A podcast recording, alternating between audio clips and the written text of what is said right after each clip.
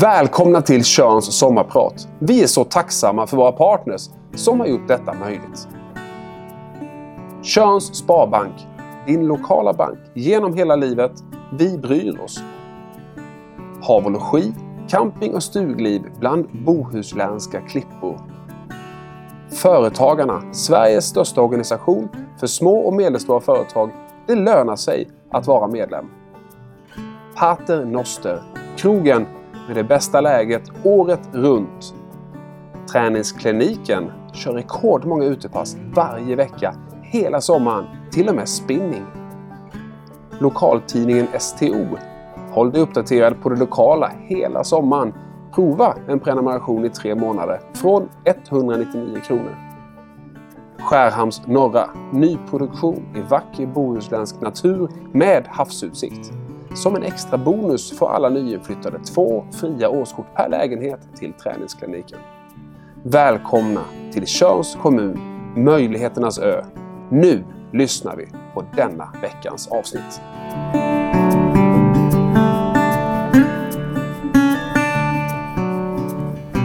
Då ska ni vara välkomna till denna veckans Tjörns sommarprat.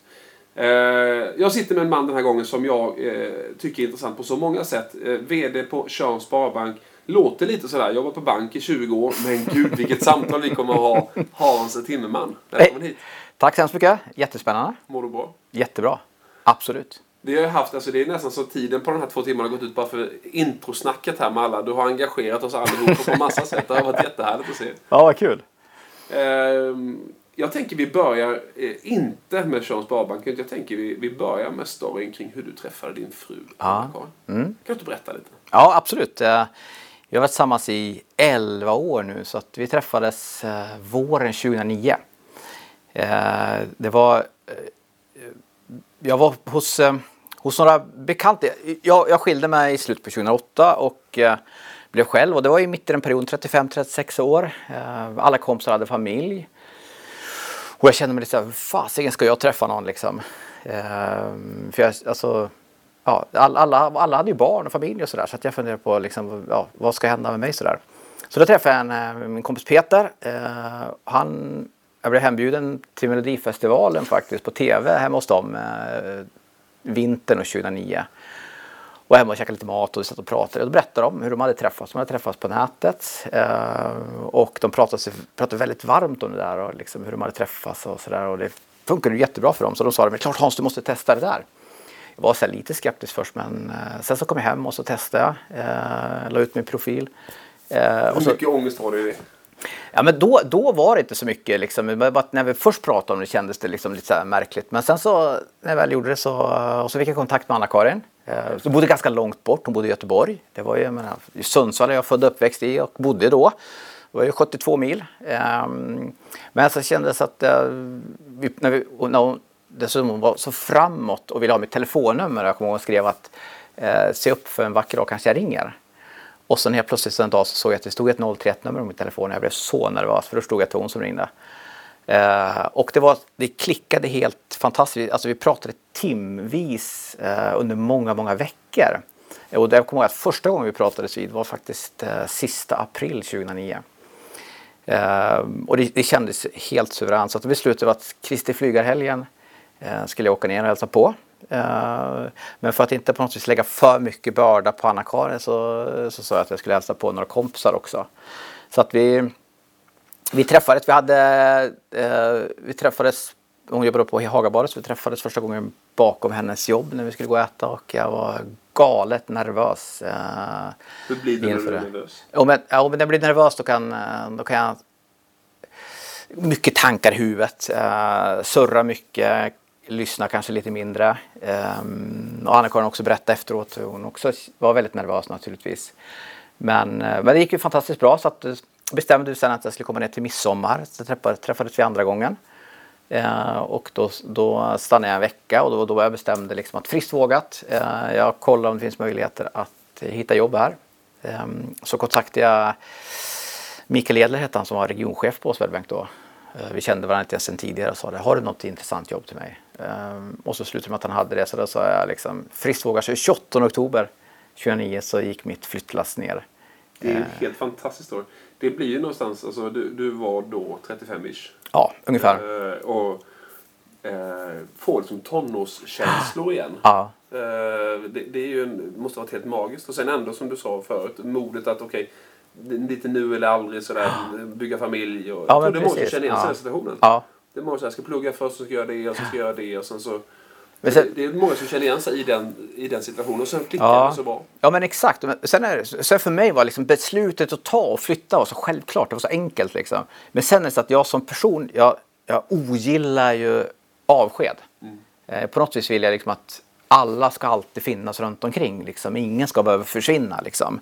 Därför alltid när jag var lite yngre så hade jag liksom ett, så här litet jag tyckte flygplats var lite jobbig för jag på något vis kopplade det mot avsked. Det var alltid någon som åkte iväg liksom. För jag flög inte så jättemycket när jag var liten själv. Uh, och då kommer jag ihåg den dagen jag åkte tyckte jag var jobbigt. för då var det som ett definitivt avsked. Okej, nu lämnar jag Sundsvall för gott. Det var liksom känslan. Så den dagen var lite jobbig liksom. Men beslutet var en, enkelt att fatta. Uh, sen blev det ju ändå lite det var ju mycket nytt. De säger det att du ska väl kanske inte göra för mycket stora förändringar i ditt liv samtidigt vid samma tillfälle. Men där blev det liksom ett nytt jobb och ny stad och nytt förhållande och allt det där. Men jag hade ju min lilla bas, Anna-Karins lägenhet i Bö. Det var ju min trygghet. Eh, den, där hade jag ju varit så där kände jag mig trygg. Och så när Anna-Karin ringer och säger att vi har vunnit budgivning på en lägenhet. Vi ska, du ska inte komma hem till mig utan ska träffas på, på fastighetsbyrån i Örgryte. Då blev det också lite så här, Ops, inte ens, inte ens lägenheter kan jag ha som min trygghet. Stad, nytt hus, eh, ny relation, eller Ja. lägenhet, ny relation, nytt jobb. Exakt. Inom loppet av... Ja, men det var från att vi träffades då. Vi pratades vid första gången sista april 2009 och det här var då 28 oktober 2009. Så det var kanske ett halvår ungefär. Men du har skrivit eh, lite grann sådär eh, om dig själv. Vi kommer tillbaka till familjen. Mm. Eh, våga testa nytt. Jag har en stark drivkraft. Jag har tydliga mål. Alltså någonstans så, så det du har definierat dig själv som är ju faktiskt det du berättar.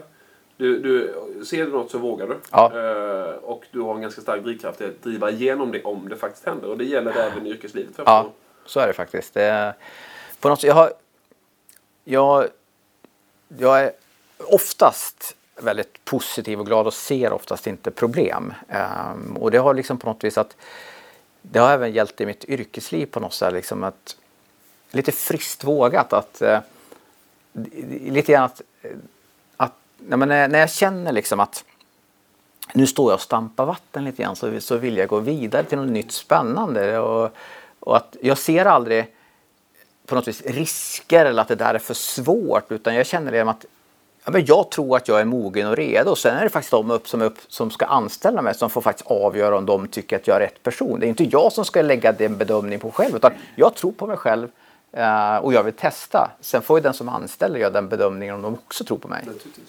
När man tittar på Charles Sparbanks roll så, så eh, jag tänkte vi skulle gå in där lite. Vi kommer komma tillbaka både till familj och till banken så. Men jag tänker vi ska hitta någon form av flöde här. Och, och känna att när du säger så så är det ju också som eh, entreprenör som, som jag får beteckna mig som. Så eh, är ju sparbankerna en, en modigare bank än de stora kedjebankerna också. Utifrån att du får ett förtroende för en person. Du känner till den lokala på lokala orten. Du har en historia. Eh, har du ett gott record så är det kanske ändå lite mer hanterbart att jobba med en sparbank än en storbank. Så är det. Eh, det ger lite mer handlingsfrihet till er organisationen. Känns det bra att ha det så? Jag, jag tycker det, eh, det var lite grann det som gjorde att jag, att jag ville ha det uppdraget också. Det, men just att det är verkligen bank på riktigt. Det, vi fattar våra beslut själva eh, och vi har liksom inte någon stor bank bakom oss där, liksom, där någon annan sköter någonting utan här gör vi allting själv och det tycker jag är lite spännande också. Det är ju att vi kan ju på något vis, vi, att vi har ju förmånen att kunna liksom, vi har inga, vi, ingen vinstdrivande ägare som, som måste kräma ut sista avkastningen ur banken. Utan vi kan jobba med att se till att ha tillräckligt med personal så att alla kan få en personlig kontakt på banken.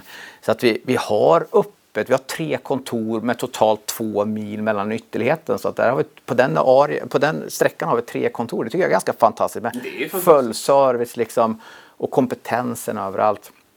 Och det gör att vi kan ligga närmare kunderna faktiskt och hjälpa dem på ett annat sätt. Och det tror jag är extra viktigt i de här tiderna när, eh, när vi har liksom, när alla riskerar på ett eller annat vis att påverkas av den pandemin vi har. Då är det jätteviktigt att vi finns tillgängliga och kan stötta stötta och hjälpa oavsett om du är bara, eller bara oavsett om du är privatkund eller om du är företagskund. Alltså, hur, hur, hur ser man i ledningen på Tjörns Sparbank på pandemin? Jag menar, eh, väldigt många företag har ju tappat otroligt stora delar av omsättningen eh, ja. i olika branscher. Alltså, vissa har gått uppåt men, men det finns ju ändå ganska många människor som, som har eh, också tappat jobb och, ja. och allt sånt där. Hur, hur, vad har ni för principer? Är det någonting du kan liksom har ni diskuterat nya förutsättningar eh, på Tjörns Sparbank utifrån det rådande mm. läget? Mm. Ja men det har vi gjort och vi, vi började egentligen redan för ett år sedan diskutera på något vis när vi har haft tio år konstant, konstant högkonjunktur på något vis någonstans. Det kan ju inte fortsätta. Man har ju tidigare pratat om att de här cyklerna går i femårscykler men det känns som att de, de tiderna kanske är borta nu. Men på något vis, det, det kan inte fortsätta i all evinnerlighet. Vi har ju redan tidigare pratat om liksom att se till att vi har att vi har en trygg och stabil bank eh, som klar, kan klara av tuffare tider. Eh, men sen kunde inte vi föreställa oss att vi skulle gå in i en sån här ordentlig smäll som kom nu. Eh, men det är ju ändå, för även om Körn eh, är väldigt beroende av eh, turismen så, eh, så, så har vi och i och för sig lite grann kopplat till det som vi har Sveriges lägsta arbetslöshet. Men Trots det så känner vi att vi ligger nära våra företagskunder och även våra privatkunder. Och menar, för oss, för, för våra privatkunder så är ju Storgöteborg egentligen en stor arbetsmarknad. Det är jättemånga som pendlar in till Volvo personvagnar eller Volvo AB eller SKF eller kemindustrin i Stenungsund, alltså viktiga arbetsgivare. Klart att blir det problem där så kan det naturligtvis eh, också bli en följdeffekt på oss. Men än så länge så eh, vi följer upp väldigt tydligt eh, hur våra företagskunder går. Eh, och det är en hel del vi har fått hjälpa med amorteringsbefrielser, en del har fått hjälp med tillfälliga lån och hitta. Men sen försöker jag, det är inte alltid kanske att, eh, det är inte alltid banken är lösningen heller utan där får vi liksom hjälpa kunder och försöka tipsa om liksom hur kan de stuva om i sin egen resultaträkning för att skapa förutsättningar. Nu har ju staten lättat mycket genom de här korttidspermitteringarna som har, som har hjälpt mycket. Men än så länge så, så har vi hanterat bra. Vi, träffar, vi har en kris, en utökad krisledningsgrupp i banken som vi träffas initialt. Första tiden träffades vi två gånger i veckan. Nu har vi ändrat till en gång i veckan.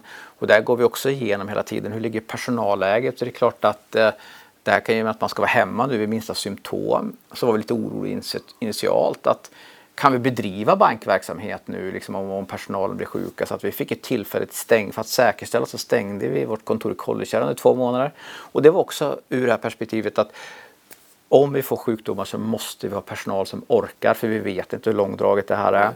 Eh, och vi måste också kunna, kunna upprätthålla en fantastisk service till alla kunder. Så därför sa vi vi stänger Collegekärr för det med att vi bara har en mil till Skärhamn, en mil till Myggenäs.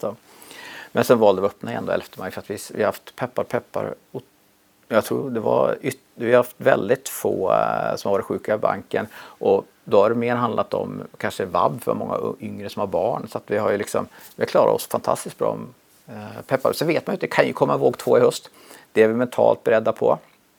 Uh, och så liksom, förhoppningsvis så så, så, så, vi kommer ju hantera det också. Liksom. Vi har en plan för det men för alla så hoppas man ju att det, att, att alltså, det inte blir. När vi pratar om det så, så tänker jag, eh, vi går in på ett personligt karaktärsdrag igen. Eh, lite ledarskapsfunderingar. Mm. För det du pratar om nu är ju egentligen eh, en sak är ju Sean Sparbanks ledarskap mot samhället så att säga. Ja. Och det andra är ju ditt ledarskap i din organisation med din ledningsgrupp och all personal.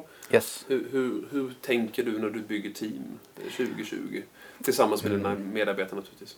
För mig är det väldigt viktigt att jag hade ju, när jag kom till Tjörns Sparbank för två år sedan så, så slutade privatmarknadschefen. Um, och sen så hade företagsmarknadschefen slutat. Ehm, så att jag stod alltså utan privatchef, utan företagschef. Ehm, olyckligtvis också då, väldigt tragiskt så dog kreditchefen i slutet på, på sommaren, början på hösten 2008.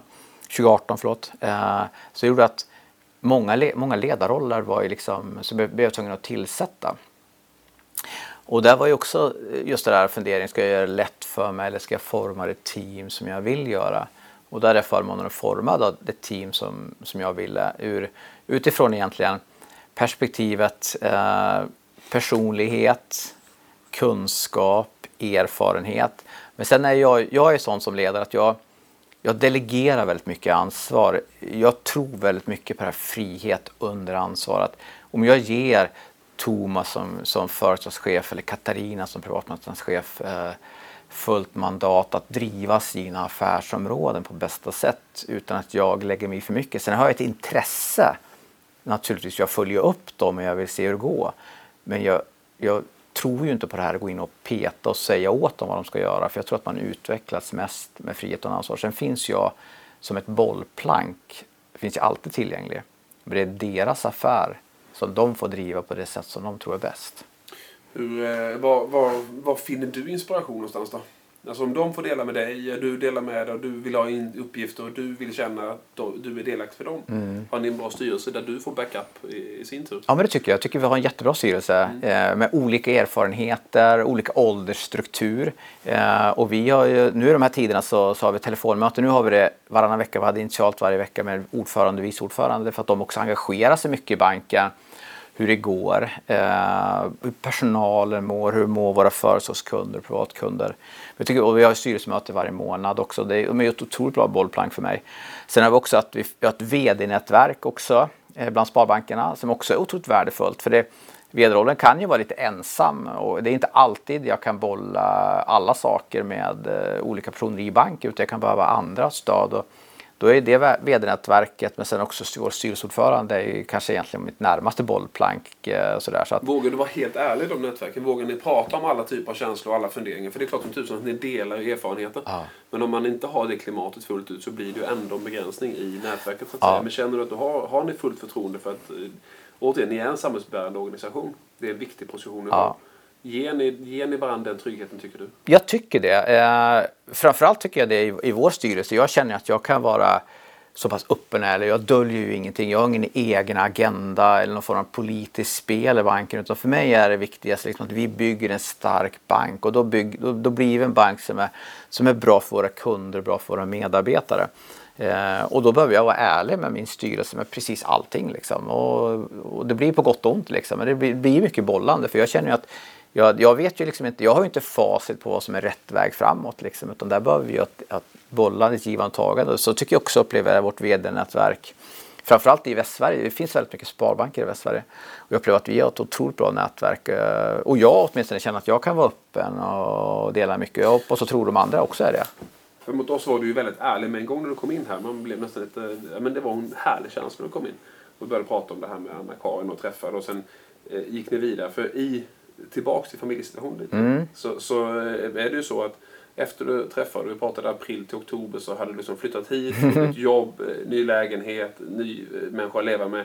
Hela spektrat. Mm. Och i det så Uh, inte jättelångt bort så, så, så blev ni ju mamma och pappa också. Exakt. Eller hur?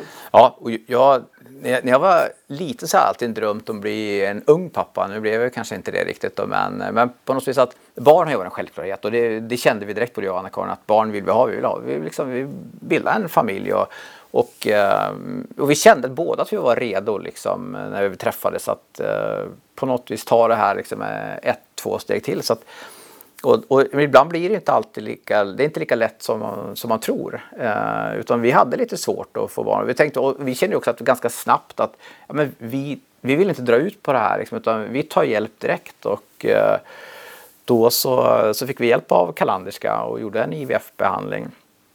Eh, otroligt proffsiga var de och sådär. Men de är också, i och med att eh, en eh, tvillinggraviditet är ju en riskgraviditet också så de sätter ju bara in ett ägg då för att inte det ska bli, kom, kunna bli komplikationer naturligtvis. Eh, och första gången så funkade det inte. Eh, och det är klart att de här upp och ner, det känner ju alla som försöker få barn, de här upp och ner eh, är ju otroligt jobbiga. Man hoppas och tror och så blir det, funkar det inte och sådär. Fanns det forum som man kunde vända sig till där och då som ni valde att använda eller löste ni det tillsammans med familj och vänner? Eller hur?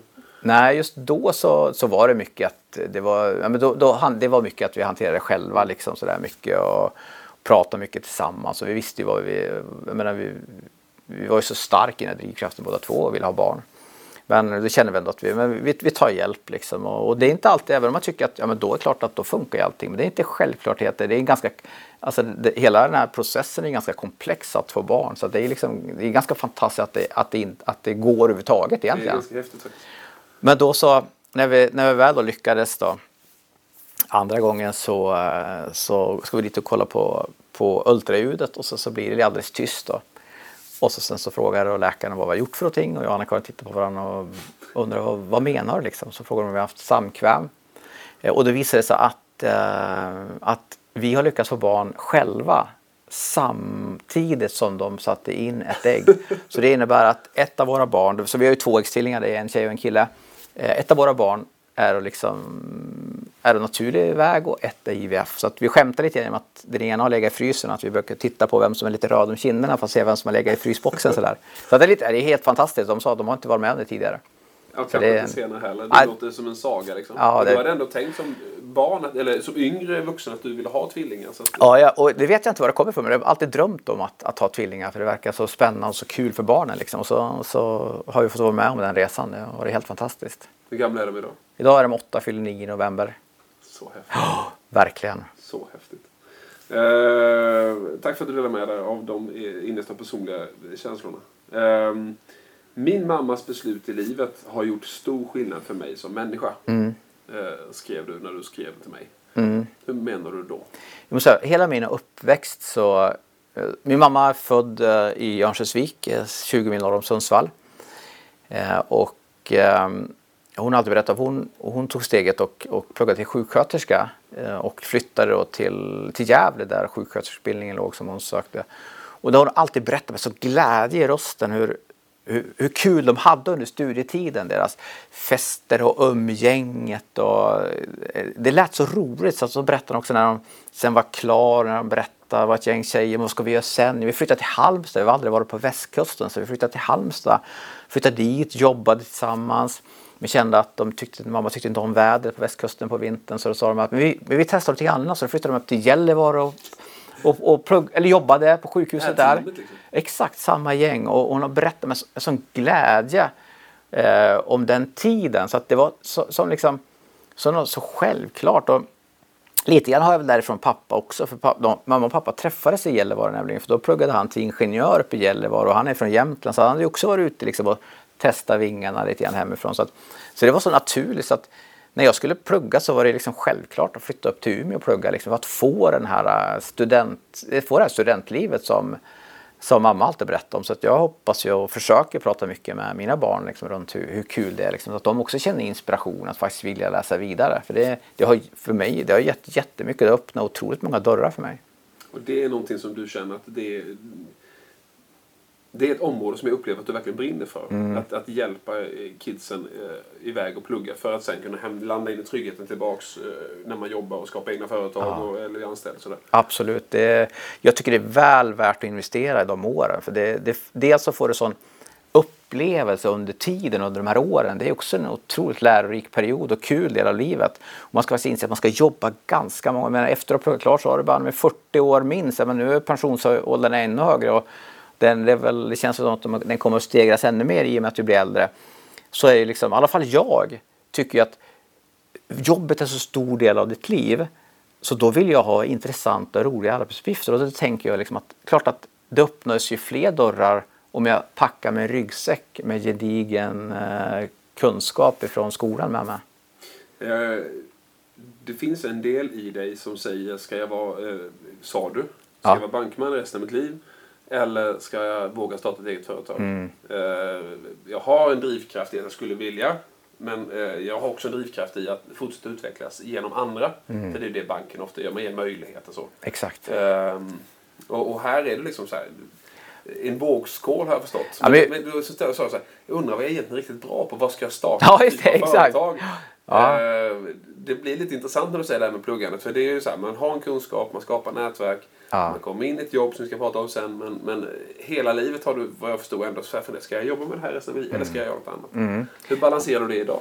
Ja, men idag, nu, det var framförallt de här drömmarna om att starta eget har egentligen funnits eh, under många, många år. För jag känner på något vis att det hade varit häftigt att se. För jag, jag, är, jag, jag, jag, är så imponerad av alla företagare. Som, för det innebär ju en ganska stor risk, det ser vi som bank faktiskt. Att, att ta steget ut i osäkerheten så den, alltså, det gör att jag är så imponerad av de företagare som vågar det. Och jag älskar att sitta och lyssna på, det är förmån att jobba på bank, och få lyssna på alla intressanta historier med de här företagarna. Eh, min syster och hennes eh, sambo har ju drivit restaurang. De är ju entreprenörer också. Liksom att, att det här har drivkraften att våga, det tycker jag är lite häftigt. Men sen samtidigt, jag har ju valt banan. Jag var nära en gång i, i Sundsvall, eh, men jag har ju valt banan och satsa på utvecklande jobb eh, som anställd och det har gett mig otroligt mycket energi och det har gett mig en erfarenhet som jag inte hade haft annars tror jag. Så att det är att idag så, men på något vis så, man kommer liksom i olika faser i olika liv, delar av livet. Nu är jag, nu är jag ju otroligt eh, lyckligt lottad som har ett jätteintressant jobb. Eh, jag har nära till jobbet. Eh, och jag har liksom en, en, fantastisk familj så att jag har ett jättehärligt liv på sidan om. Liksom. Det är att för mig är alla pusselbitar på plats. Liksom. Så att nu är det så att, nu, får, liksom, nu, nu försöker jag ju mer lära mig att njuta i stunden liksom, på något vis. Och, och, och mer stanna. För det är så lätt att hela tiden bara att tänka vidare. Liksom. Men på något vis, men det är kanske också med åldern och visheten på något vis. Att, eh, att stanna upp och njuta, njuta av... Det är ganska många som har sagt i de här intervjuerna som säger så här. Men vi tror att, att eh, en del av effekten av corona kommer bli att fler stannar upp och funderar på var är jag någonstans? Ska jag verkligen mm. fortsätta som vi har gjort? Ska jag på den resan? Jag kanske ska... Det var något så äventyr kan innebära att man faktiskt byter eh, badplats på sommaren. Ja. Det behöver inte vara mer än så Nej. ibland för att se nya saker och sådär. Så kan det vara, absolut. Uh, men du, du, har, har den känslan utifrån kanske erfarenhet och ålder istället. Men, men det är många som pratar just ja. nu är en tid för reflektion. Ja, men det, det tror jag också. Och det, och det är det som är lite, lite också, även om vi har en, en allvarlig situation här och nu så, så är det också lite kittlande och spännande att se hur kommer det här påverka oss alla framåt. Liksom. Vi pratar mycket om det i banken just nu, det här att hur kommer det här att, att påverka hur kunderna vill möta oss? Nu är det så att de som, många som, som, som jobbar idag, de, de får ju om det är kontor eller sånt där tjänstemän så jobbar det många hemma. Det gör att det är väldigt mycket digitala möten. Och det är frågan liksom, är det någonting som att kommer efterfrågan av digitala möten och på och gör liksom att det är här för att stanna precis som många nu handlar mat digitalt på nätet. Är det också en trend som kommer att stanna? Eller kommer det bli så att det har varit så intensivt nu så att man känner att nej, nu får det vara nog, vi drar hamnar och vi går tillbaka. Det personliga blir ännu viktigare. Och det är, det är ingen som vet, det får ju framtiden utvisa, men det är ändå lite spännande och kittlande att tänka tanken. Vad liksom, kommer det här göra att vi går, vissa, vissa spekulerar att det här gör att vi kommer flytta oss fem år framåt i teknik, eh, sättet vi hanterar teknik. Liksom. Och, och, det kanske är så. Eller så blir det så att vi backar tillbaka och inser att det personliga ja, det är jätteviktigt. Jag pratar Jag får prata med väldigt mycket människor just nu. Och väldigt många spår ju en liten Alltså att man faktiskt eh, börjar backa i tiden. Mm. Alltså att man, man, man backar utifrån ett tänk runt försörjning, man backar utifrån ett tänk i livsmedelsproduktion. Eh, det ska bli spännande att se framtiden. Det enda vi vet är att vi har massa åsikter, funderingar och tankar. Ja, så är det. Eh, men att det är lite svårt att definiera exakt vad som kommer. Och, och vi ser det, att man pratar mycket om att den här yngre generationen, hur de liksom kanske inte vill uh, prata telefon. Jag hörde för ett par dagar sedan, jag lyssnar alltid på radion när jag åker till jobbet. Det uh, tar en halvtimme för mig dörr till dörr. Och det tycker jag är en härlig tid att sitta liksom, och lyssna och få lite inspiration inför veckan. Och då pratar man att ungefär 30 procent av av ungdomarna då blir stressad när telefonen ringer. Mm. Det är så att man, man vill inte prata och, och det har ju vi också gjort fundera på. Liksom, vad innebär det för banken när de växer upp. Men vi ser ju att man tycker att alla ungdomar eller yngre som, som köper och bildar familj, köper hus, lägenheter idag, att de, de, de är väldigt digitala. Men när det kommer till sina viktiga beslut och sina livs, sin livs största investering som att köpa ett hus eller köpa en lägenhet då vill man träffa någon personligt. Det spelar ingen roll nästan hur digital du är så blir det personliga mötet jätteviktigt. Jag delar den bilden. Jag har ju en bonusdotter som är 21 och en eh, som är 20 år. Och så har jag eh, två söner som är 18 och 15. Mm. Framförallt tjejerna med att prata telefon, det är inte självklart. Nej. Det är faktiskt inte det. Det tränar vi på. Liksom. Ja, och det är lite... Det, det är väldigt intressant. Ja, ja, verkligen. Så jag delar den bilden. Du började din karriär i banken eh, på Nordbanken 1997. Låter länge sedan. Nu snackar vi. Mm, nu snackar vi. Va? Nordbanken, Nordbanken ja. Exakt. Men alltså, hur, hur, hur, hur, har karriären varit för dig? Alltså, hur har den sett ut? Ja. Eh, började du som... Eh, person som mötte kund i, i kassan eller hur, hur började det någonstans? Ja, det började ju att eh, jag började jobba väldigt tidigt med, jag var, min pappa var greenkeeper på Timrå Golfklubb så jag började sommarjobba när jag var 14 år åt honom och har ju liksom alltid, alltid jobbat när jag varit ledig liksom för det var, det var en naturlig viktig del för mig liksom. Och, men sen så när jag pluggade till Umeå så kom jag, när, när jag var färdig civilekonom så eh, återigen min mamma som var viktig för mig, hon skickade eh, två stycken, tipsade mig om två stycken jobbannonser. Båda var i Sundsvall och ville att jag skulle flytta hem. Den ena var på, ja, exakt. Den ena var på Handelsbanken, den andra var på Nordbanken. Jag sökte båda. Eh, och så fick jag det på Handelsbanken, men jag fick inte jobbet i Sundsvall utan jag fick det i Fagersta. Mm. Och då kände jag att jag hade ingen aning om att Fagersta var så att det kunde jag inte hoppa på. Liksom. Så att nej, tackar nej. Så ringde jag till Nordbanken och, och frågade hur ligger jag till? Och så, nej, vi, jag försökte spela ut dem lite grann sådär. Eh, så att jag hade fått det på Handelsbanken, hur ligger jag till? Och så, det kan vi inte riktigt säga, det var ett traineeprogram, de tog in tio stycken. Jag kan inte säga, men du kommer inte bli besviken om du tackar nej till Handelsbanken. Så att då, då tackade jag och så fick jag det och det var ju en otro, det var ju liksom också det här att tillsammans med tio andra, det var också lite nästan som eh, lite så studentboende. Vi var tio stycken som fick samma utbildning. Det var ju, tanken var att vi skulle fostras som framtida kontorschefer. Eh, träffa bra kontaktnät snabbt i banken. Eh, otroligt lärorikt. Så att det, var, det var ju en, en fantastisk dörröppnare som jag upplevde det. Eh, och det var ju det som, för, för mig har ju bank aldrig varit något självklart. Det, det har ju egentligen inte funnits som en grundtanke överhuvudtaget. Utan när, när jag växte upp så var, så var det ju, min, min farfars far var byggare, hade byggföretag. Min farfar var snickare, min pappa var byggnadsingenjör i botten. Min stora syster gick fyra år teknisk byggnadsinriktning. Så för mig var också självklart. Jag började också på fyra år teknisk, gick bygg. Det var liksom, ja, lite grann som att följde pappas fotspår. Liksom sådär. Men jag kände ändå ganska snabbt att det där var liksom inte riktigt min grej. Och det gjorde liksom att jag kände att, men jag visste ju att det var ändå en bra gymnasieutbildning. Så den var bred. Jag kunde lite grann hoppa på vad jag ville sen. Och då valde jag sen att plugga, plugga ekonomi. Då. Och sen, jag visste inte heller då riktigt heller vad, vad jag ville bli. Men det är lite grann med tillfälligheterna och våga fånga tillfället. Det var tillfällighet att jag kom in i bank. Och sen har det liksom rullat på med, med vissa undantag. Så jag kom in 97 på Nordbanken. Hur länge var det traineeprogrammet? Det var, det var, tank, tanke, eller det var tvåårigt program. Mm. Eh, men efter ett år, ja, vi fick göra lite praktik. Det var bland annat då jag flyttade upp till Haparanda.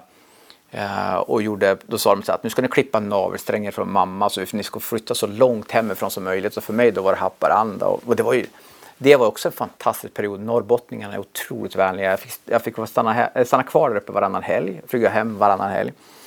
Eh, och var, när jag var hemma då, så blev jag alltid hembjuden till, till någon på middag. Och, och där var det så liksom att, okej okay, vad ska vi, ska jag förrätta? Men vi slänger i ett par rostmackor, rostar dem och så tog de fram Kalix löjrom med sina fem liters glassförpackningar liksom. Ja, det, för det var, de köpte ju direkt av fiskarna, lite grann som man kanske kan göra här på västkusten, och köpa fiskar fiskar liksom. Så att, det var en otroligt härlig tid och otroligt lärorikt och, och närheten till Finland glömmer jag aldrig där i Haparanda kunde åka över till finska Torni och äta lunch. Och där var också det här lite en annan kultur. Där satt vi och drack vichyvatten och de satt eh, på affärslunch och drack de vin, finnarna. Så det var också lite... Jag måste bara berätta, jag har en story om just det här området. Eh, för en månad sedan ungefär så ringde jag upp till turistbyrån Haparanda Torni. För att få lite information utifrån en annan sajt jag håller på med. Eh, och de var ju permitterade då, så det var ju tufft. Och sen gick det typ två veckor, sen fick jag tillbaka ett mail. Eh, du kan prata med kommunchefen Lena Ek, för att hon kan hjälpa dig med det här. För vi andra jobbar inte just nu, men vi hjälps åt i Haparanda. Mm. Eh, så att, eh, kontakta eh, kommunchefen. Det är inte riktigt så det funkar i så många andra Nej. svenska städer. Att man, man, skickar mejl och telefonnummer till kommunchef. Exakt. Och man ber om lite turistcontent. Mm. Det var väldigt intressant. Ja, men det är, norrbottningarna är härliga.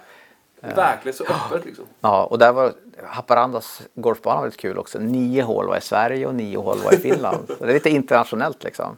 Men sen så var det, var jag var, för att återkoppla till min karriär då så, så var jag på Nordbanken. Jag gick där traineeprogrammet men samtidigt så, så jag har alltid haft ett sparande intresse. Eh, och då blev det en, en roll ledig som, som kundhandlare, en aktiemäklare på deras, på deras regionala aktiebord. Så att då fick jag det jobbet. Jag jobbade med det parallellt som jag gick traineeprogrammet. Då. Eh, men jag kände att jag var ganska låst. Det var mycket telefon. Eh, jag var låst. Det var, nu skulle jag käka lunch och med några, med några kunder så blev jag tvungen att nästan kolla ett par veckor innan om det gick sådär liksom. Så jag slutade som aktiemäklare eh, sommaren 2000 och vi hade det stora fallet i mars 2000 så jag var ju med där i början på det. Så det var ju en lärorik period.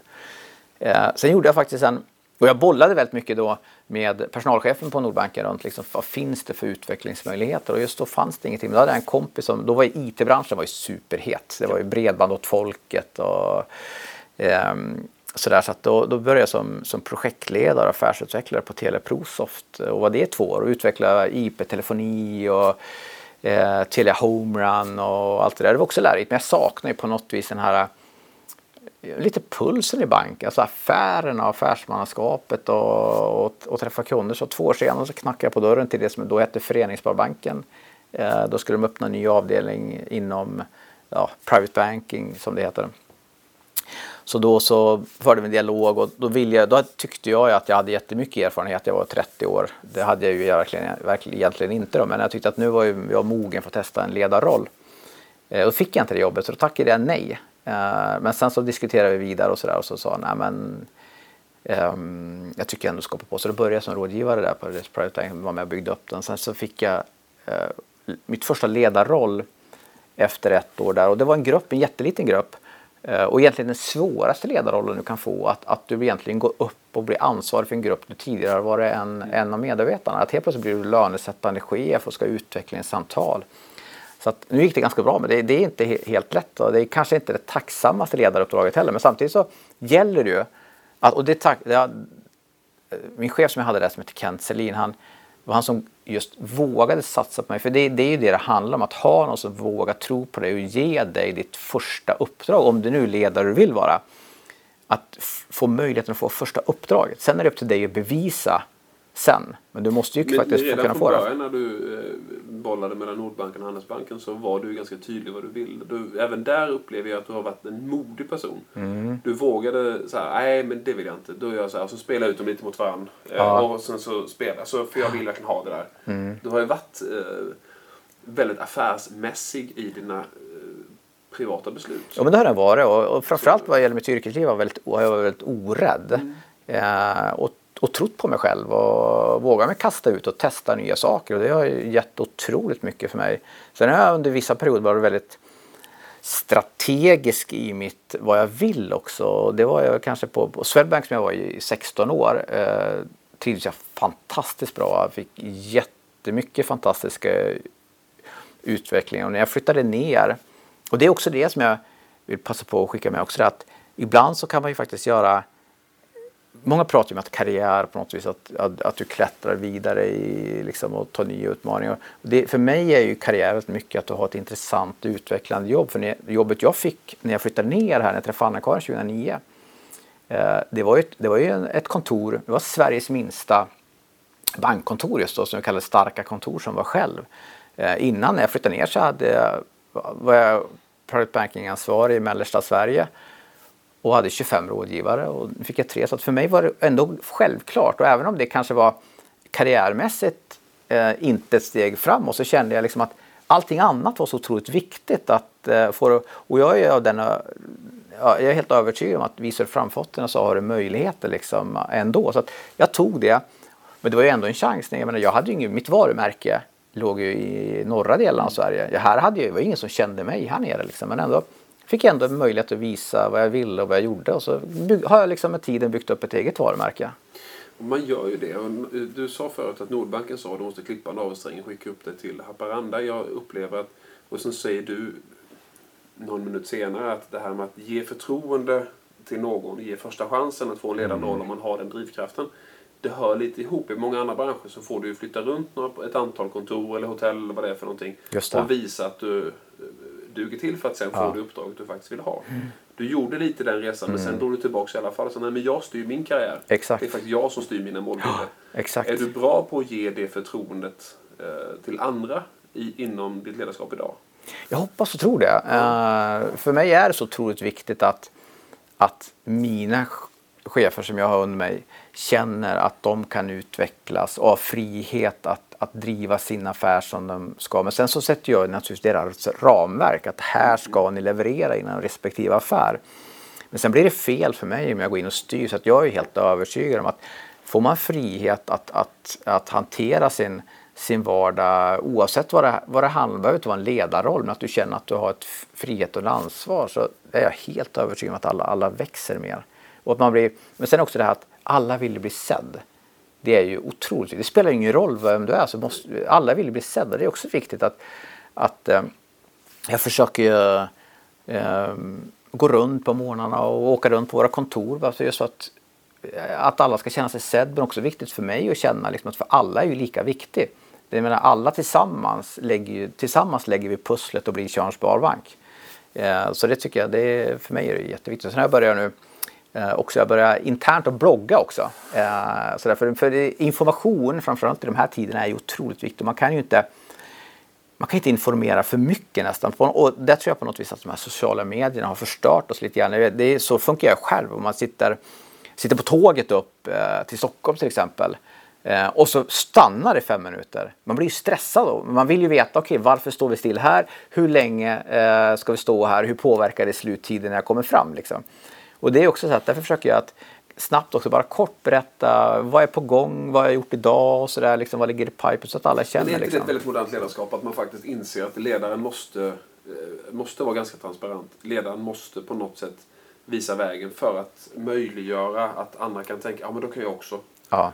Eh, jag upplever att alltså, modernt ledarskap handlar väldigt mycket om att, att visa vad man själv gör. Inte för att skryta utan för att faktiskt ge en trygghet. Ja.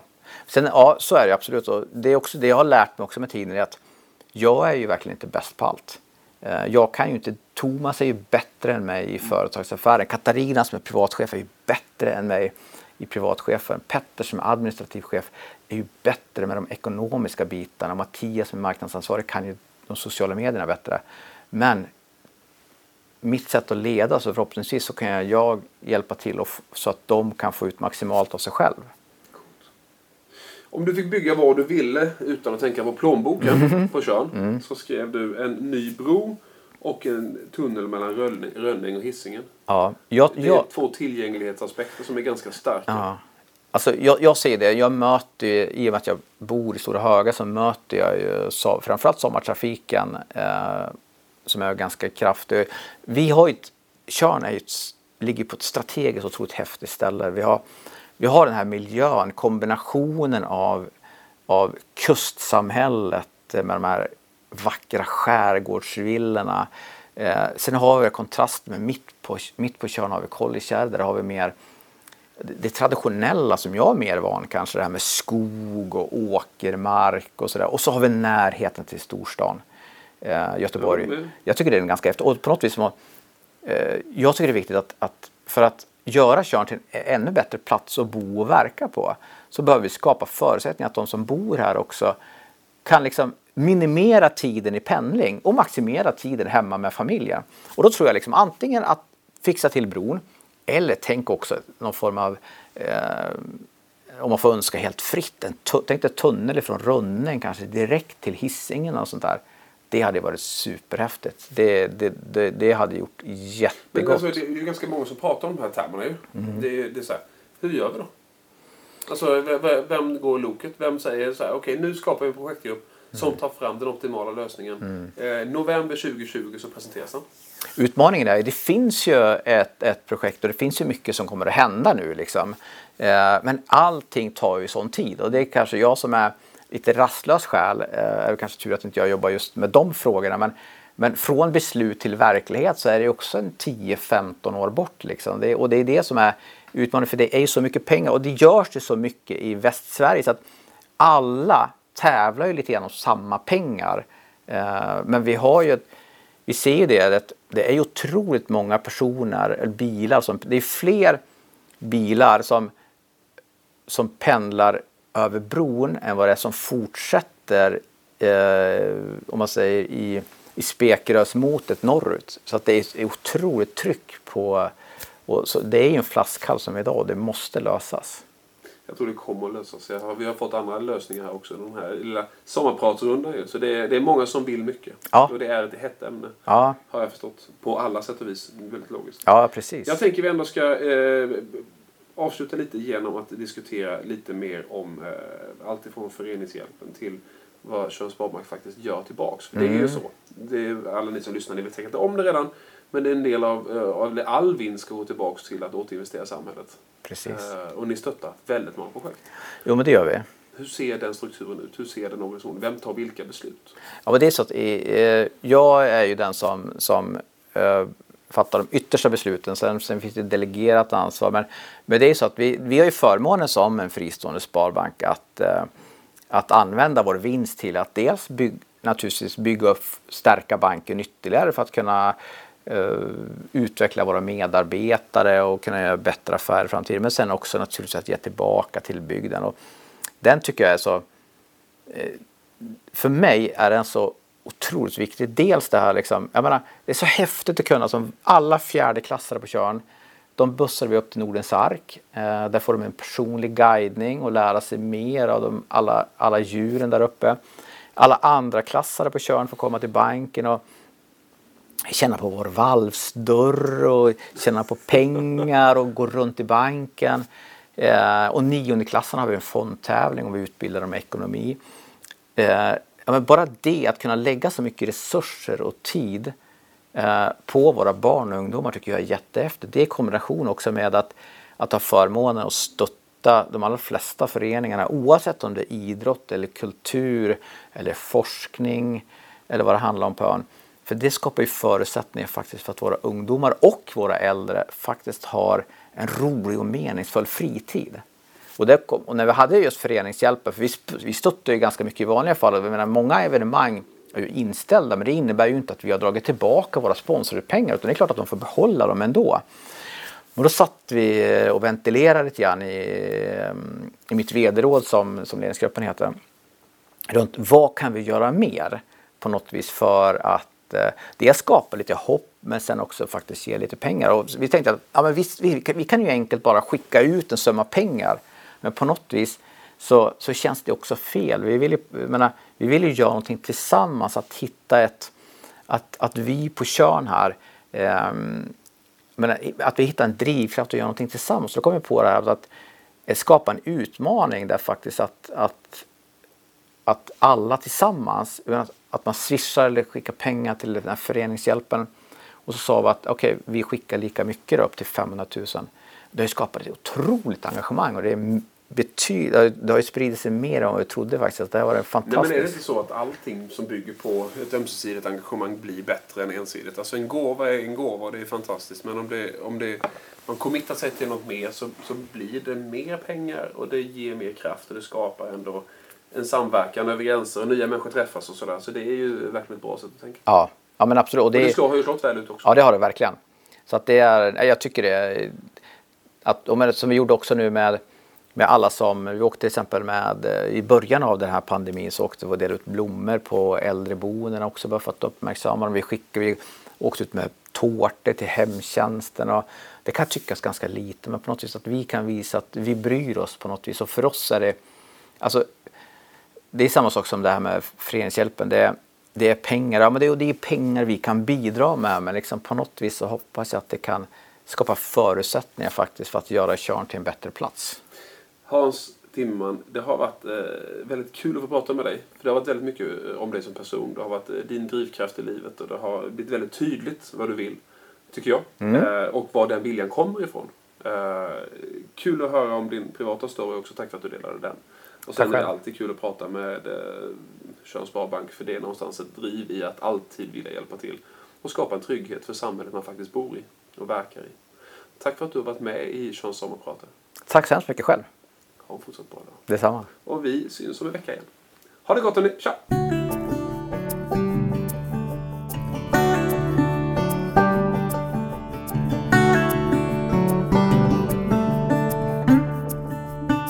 Tack för att du har lyssnat på Körns sommarprat. Vi är så tacksamma för våra partners som har gjort detta möjligt.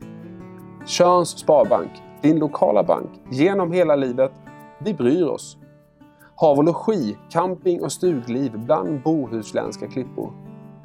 Företagarna, Sveriges största organisation för små och medelstora företag.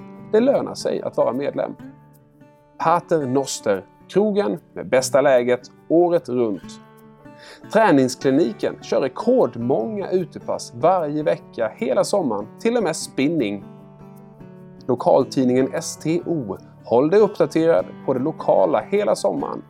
Prova en prenumeration i tre månader från 199 kronor. Skärhamns norra, nyproduktion i vacker bohuslänsk natur med havsutsikt. Som en extra bonus får alla nyinflyttade två fria årskort per lägenhet till träningskliniken. Tack för att du lyssnade på Tjörns sommarprat. Välkomna till Tjörns kommun, möjligheternas ö.